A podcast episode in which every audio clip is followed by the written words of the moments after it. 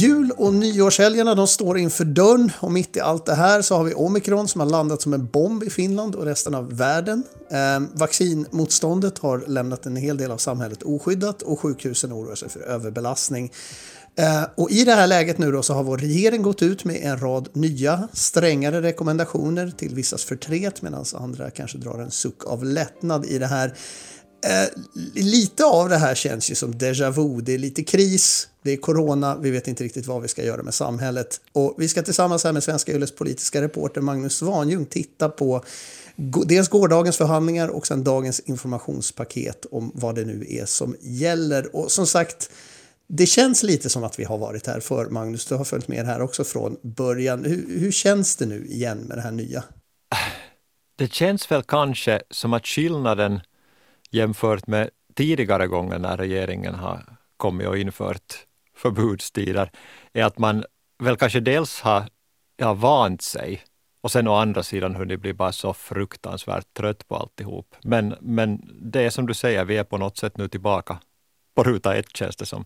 Ja, och trötthet, det, det, det, kan man ju förstå att folk har. Och det blev extra tröttsamt då för att regeringen höll på att förhandla om de här restriktionerna alltså länge igår. Det var, det var liksom långt in på kvällen och reportrar och folk satt och väntade på någon slags besked hela eftermiddagen egentligen. Varför tog det så våldsamt lång tid?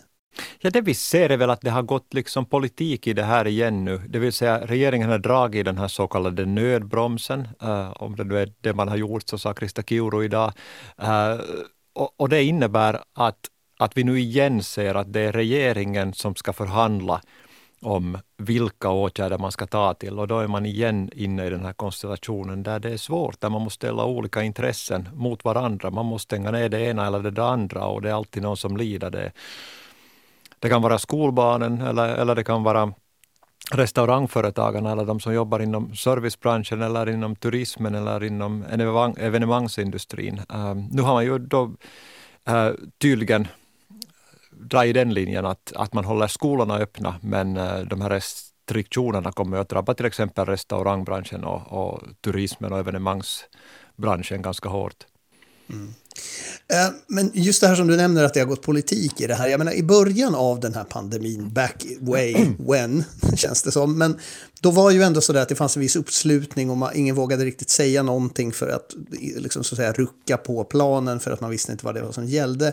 Hur skulle du säga att samstämmigheten verkar nu då? För nu är ju alla liksom varma i kläderna.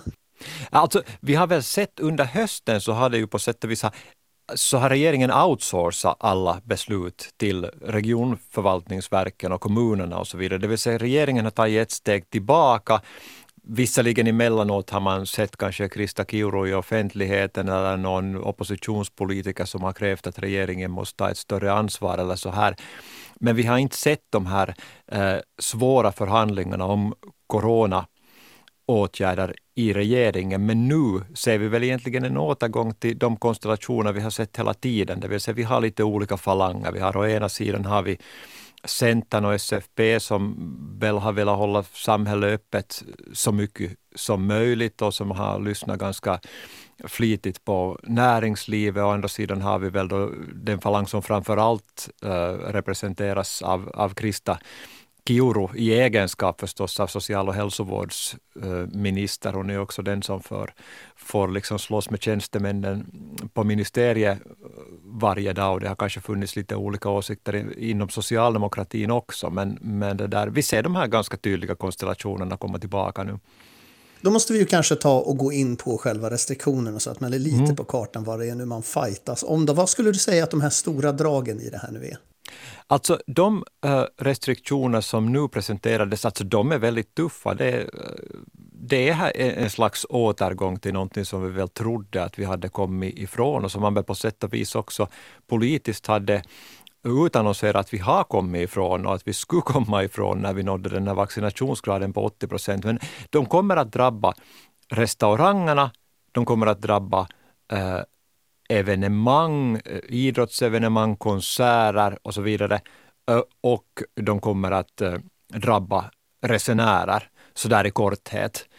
Ehm, alltså om vi börjar med restaurangerna så kommer man nu från och med den 28 i 12 ehm, att Eh, stänga dem redan klockan sex och de får lov att sluta sälja alkohol klockan fem. Eh, de facto redan innan dess på julafton så tjuvstartar man, då får de bara hålla öppet till vad det nu åtta eller nio. Eh, och, och när det gäller större sammankomster så förbjuder man nu nattklubbar att hålla öppet, man förbjuder stora konserter, man förbjuder stora idrottsevenemang sånt här. Och, och det, det, nya nu med både restaurangrestriktionerna och, och de här eh, mm, evenemangsrestriktionerna är det att man inte längre kan använda det här covid-intyget för att kringgå dem, utan de, de gäller alla och är definitiva. Um, Sen finns det några små undantag och, och, när det gäller evenemang så, så är det ganska oklart ännu, för det här handlar om rekommendationer som går ut till regionförvaltningsverken och de måste själva sen liksom um, titta på vad som är, är vettigt i de olika områden. Um, till exempel så kan man tänka sig att, att vissa teatrar kan hålla öppet, museer och, och, och, och så vidare, sådana här uh, lågrisk um, ställen och simhallar och så vidare. Men, men rätt mycket kommer att stänga ner och, och gränserna kommer att eh, bli lite mer små, svårforcerade också, också för EU-medborgare, det vill säga man återinför den här liksom interna gränskontrollen inom Schengen. Och, och det betyder i praktiken att alla som ska in till Finland måste ha ett färskt um, negativt test. Det räcker inte med det här vanliga covid-intyget eller ett vaccinations bevis. Det här gäller förstås inte finska medborgare som alltid får, får komma hem och här finns också undantag om man måste för de som jobbpendlar till exempel mellan, mellan Finland och Sverige och Norge och så här. Men, men, men det här är väl liksom så där i korthet det man har bestämt. Mycket av det här, precis som du nämnde, restaurangerna och nattklubbarna och det här med gränsstängningen påverkar ju egentligen kanske turismbranschen också till en stor grad. Eh, men sen har du då just det här coronaintyget som det var så hemskt mycket diskussion om att det skulle bli liksom lösningen på allting. Och nu känns det lite som att man duttar med det just att vissa grupper kan använda det, andra grupper kan inte alls använda det utom vid vissa klockslag. Alltså, vad, vad gör det här liksom för vaccinintygets trovärdighet? Särskilt hos de som kanske redan var tveksamma till hela grejen. Ja, och man kan ju fråga sig kanske framför allt vad det gör eh, för att motivera de som inte ännu har tagit sin första eller andra dos vaccin att verkligen göra det, för att de är ju det eh, det verkligt stora problemet. Regeringen säger ju att den stora strategin fortfarande är att få upp vaccinationsgraden och att man inför de här åtgärderna för att vinna tid så att man ska hinna vaccinera fler. Men nu har vi ju fortfarande 800 000 finländare som inte har tagit det första eller andra eh, den första eller andra eh, dosen vaccin. Och det har vi ju sett hittills att den här att det här covid-intyget och, och en liksom allt mer utvidgad användning av det äh, verkar ganska motiverande. Men, men här har man ju alltså man har ju gått på, på THLs rekommendation här och, och logiken är väl den att man inte kan äh, garantera att omikronvarianten inte sprids äh, bara för att folk har fått två vaccindoser, utan den, den, den kan ändå spridas även om det är rätt sällsynt att den i sådana fall leder till allvarlig sjukdom. Men man har velat begränsa alldeles uppenbart nu eh, hur det här viruset sprider sig också till ovaccinerade. Men man snackade ju det här, nu minns jag inte vem som sa det, men just att man inte skulle låta samhället hållas gisslan av de som så att säga inte är vaccinerade. Men nu har vi då det här läget där det ändå känns som att det är lite det som styr. Det är ju i princip de, till största grad i alla fall, de som inte har vaccin som är de som så att säga trycker på sjukhusens resurser. Att det här blir ju det blir liksom en bestraffning ändå. Nej men, nej, men så, måste, så måste man ju tolka det. Alltså jag tror att eh, både statsminister Sanna Marin och familje och omsorgsminister Krista Kiuru uh, uttryckte sig just så som, som, som du nu, det vill säga att vi, får inte låta de ovaccinerade ta resten av samhället som gisslan. Det var då i det skedet när man strävade efter den här vaccinationsgraden på 80 procent. Och nu är vi ju kanske inne i en, i en situation där vi ser det hända. Eh, samtidigt så eh, uppfattar man väl att man inte har så väldigt många alternativ eftersom det finns en risk för att sjukvården överbelastas.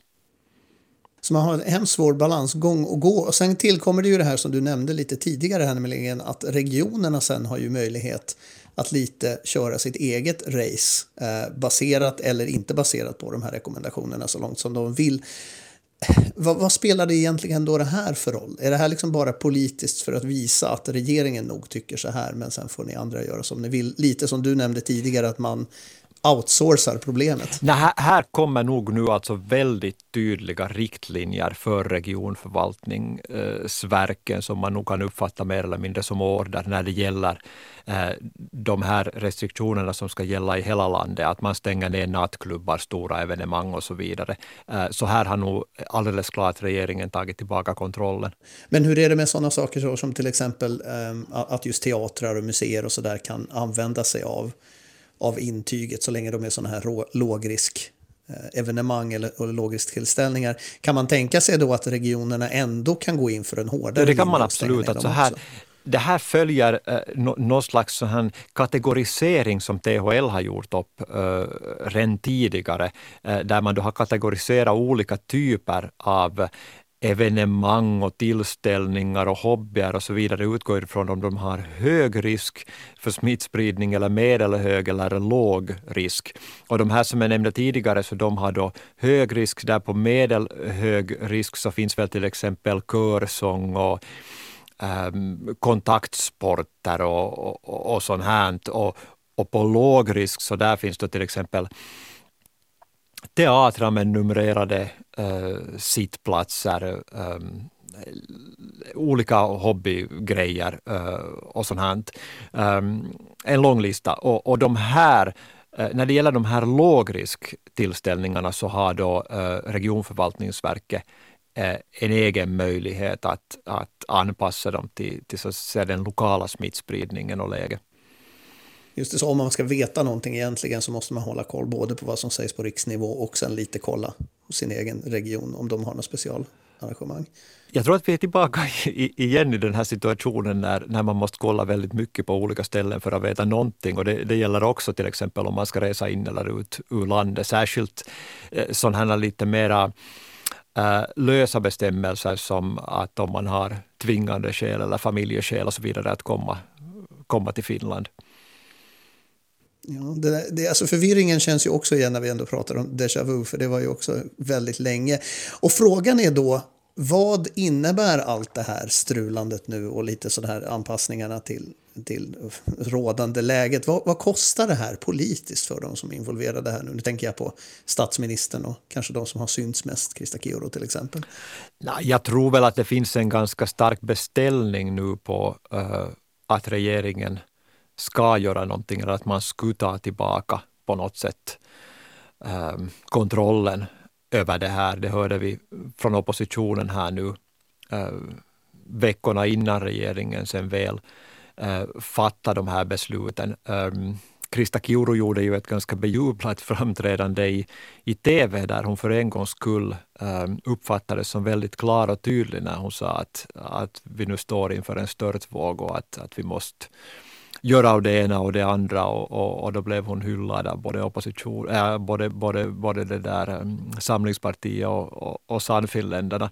Sen är det ju uppenbart att, att partierna i regeringen nu igen har sina egna uh, väljare att tänka på. Som, och, och, och sådana här åtgärder drabbar ju alltid någon.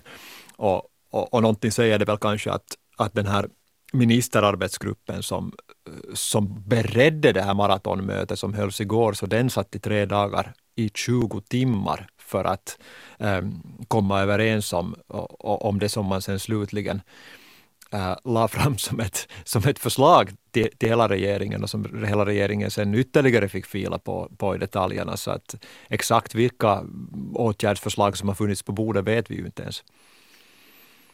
Sista frågan då, här, men vad är det för tidtabell på de här grejerna nu som gäller? När är det dags för nästa så att säga? Ja, alltså, de åtgärder, eh, största delen av, av de åtgärder och begränsningar man nu har bestämt om så kommer att träda i kraft den 28 i 12 och gälla tre veckor framåt. Men samtidigt tycker jag att det blev ganska klart uh, vid presskonferensen att det här kanske inte är de sista åtgärderna man blir tvungen att införa. Och då ligger nog verkligt svåra beslut ännu på bordet som till exempel mm, möjligheten att övergå till uh, distansundervisning i vissa skolor, kanske gymnasier och yrkesskolor och så vidare. Uh, det kan komma ännu tuffare, tuffare åtgärder här ännu. Vi kommer med andra ord förmodligen att prata om det här även 2022, Magnus. Tack så jättemycket för att du var med i Nyhetspodden. Tack! Du har lyssnat på Nyhetspodden med mig, Thomas Silén, och jag hoppas att du fortsätter lyssna på oss även i framtiden.